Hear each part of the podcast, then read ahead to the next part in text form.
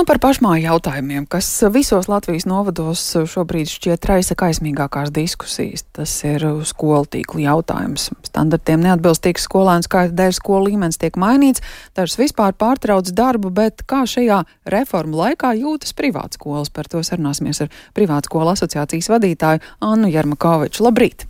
Labrīt!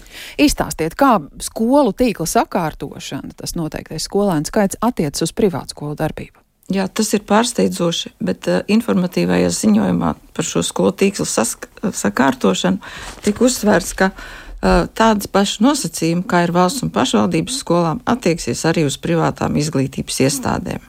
Kādēļ tad radās privātās izglītības iestādes pirms tiem 30 gadiem?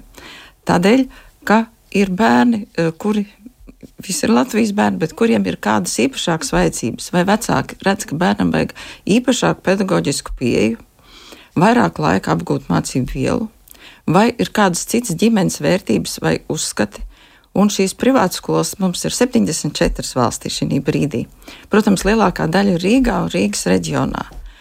Un, uh, līdz šim tieši vecāki izvēlējās šīs skolas dēļ mazā skolēnu skaita klasē. Tas bija nu, pirmais no rādītājiem. Tālāk sekoja droša vide, labbūtība, uh, emocionāli stabila vide, individuāla pieeja tiešām mēs varam īstenot diferencētu, individualizētu pieeju katram bērnam, lai viņš spētu savu potenciālu attīstīt maksimāli. Un tagad pateikt, ka rādītājs, kāds skaitlisks rādītājs, noteiks privātskolā skolēnu skaitu, nu liekas absurdi. Cik ir tās privātskolas, kuras pēc šī noteiktā skolēnu skaita varētu turpināt darbu? Gan jau, ka ir arī tādas. Uh, Tātad nosacījums ir tāds, ka 1 līdz 3 klasē ir jābūt 30 bērniem, 4 līdz uh, 6 klasē 30 bērniem, 7 līdz 9 30, vidusskolas posmā katrā klasē 20 bērni, 10, 12, 60 bērniem. Priekš privātskolas tas ir liels skaitlis. Uh, visi pētījumi rāda, ka optimāli pusauģu vecumā skolēnu skaits 15, 17, nu līdz 24. Kādēļ tieši skaitlis 20 ir? Varbūt 17 vai 18 ir optimālais. Mm. Mūsu pieredze rāda, ka tiešām mums klasēs ir 15 līdz 18 bērni. Nu, reti, kad ir līdz 20, tad mēs atveram paralēlu klasi. Jo tieši šī pieredze uh, rāda, ka vislabāk atbūst, apgūst valodu, vai to pašu ķīmiju, vai bioloģiju padziļināti, uh, lai kārtī, nokārtot centralizētos eksāmenus un uh, sniegums būtu tāds, ka varētu startēt augstskolās, ko mūsu skolā absolventi arī dara. Mhm. Kad šis skaits, nu, tas nav noteicošais, lai, kad 20 un 21 bērns, tad būs labāka rezultāta. Un kas notiks, ja pieņems šo? Jā, tā tad viss ir skaitīts, saistīts, protams, ar naudu un ar finansēm.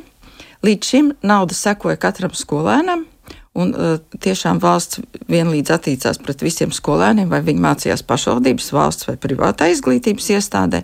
Tagad nauda nesako skolēnam, bet sako programmā. Un ja tajā programmā kādā privātā skolā arī 7. un 9. klasē nav tie 30 bērni, arī viņi nesaņems valsts finansējumu. Dibinātājs, tātad vecāki vai, vai kāds cits dibinātājs, juridiska institūcija. Uh, būs spiesta sekt visus mācību izdevumus, un tāpat vidusskolā. Ja nebūs šis skaits 60 bērni no 10. līdz 12. klasē, programma vispār nesaņems valsts finansējumu. Tātad skola pastāvēt drīkst, tikai jautājums, jā, kur atrast jā, naudu. Jā. Cik liela daļa skolas pastāvēšanai vajadzīgās naudas līdz šim nāca no valsts? Teiksim, godīgi 50%. Tātad, uh... Jo es paskaidrošu, nu, klasē tā tad valsts rēķina, ka vidē ir tie 30 bērni, mums ir tie 15. Nu, tad tas valsts finansējums uh, tieši pedagoģa darba apmaksai ir par tiem 15 bērniem, vecāks maksā par tiem 15. Un tālāk jau sako vēl uh, finansu jautājumi, kas uztur visu infrastruktūru, komunālos maksājumus, attīstību, remontus. Uh, ēku izmaksas, to, ko ne valsts, ne pašvaldība nesedz, to mēs sedzam no privātiem finanšu līdzekļiem. Tad, tad uh, vecākiem būs jāmaksā divreiz vairāk. Pilna skolas nauda. Pilna skolas nauda, jā. Un kāda, kā jūs rīkosieties? Ko vecāki saka? Ka, droši vien, ka viņiem šobrīd vecāki, jums vecāki. jau vēl iespējas ir apelēt pie izglītības ministrijas. Jā, mēs to cenšamies darīt. Esam uzrakstījuši vismaz četras vēstules ar aicinājumu, ka mēs labprāt sadarbotos un apsēstos ar ministru pie vienas galda un par to parunātu.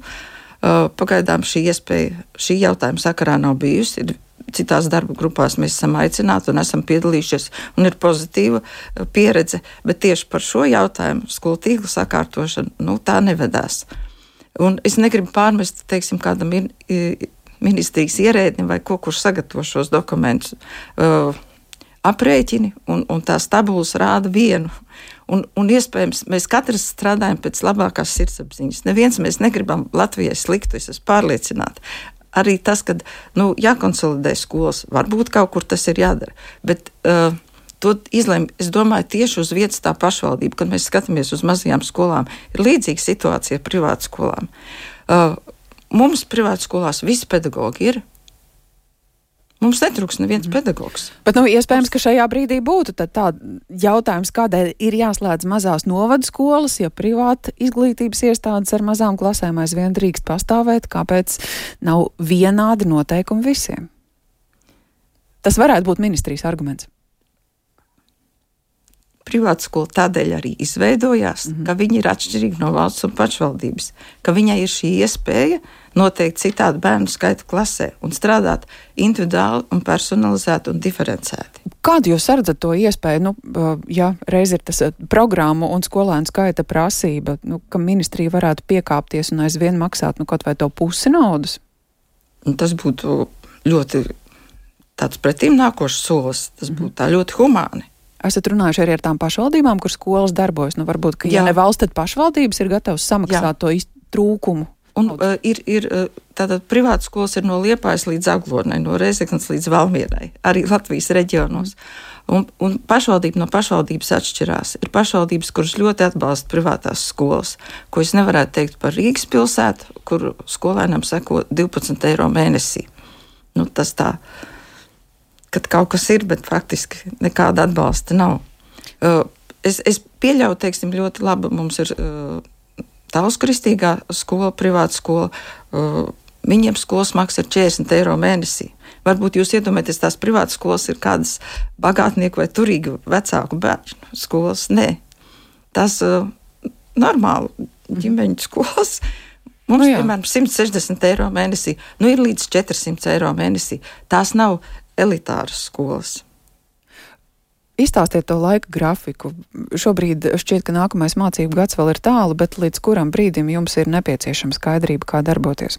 Nu, līdz nākamā gada 1. septembrim, un uh, arī ministrijai tuvāko, tātad otrdien būtu jābūt ministra kabineta noteikumiem, kā ir uh, uzrakstīts protokola lēmumā par privātu skolām, arī kas noteiktu uh, šo skolēnu skaitu klašu grupās. Un, uh, no 1. septembra tad stātos spēkā. Jā, teiksim jums paldies par šo sarunu. Mūsu studijā bija privāta skola asociācijas vadītāja Anna Jermakoviča. Paldies! Paldies! paldies.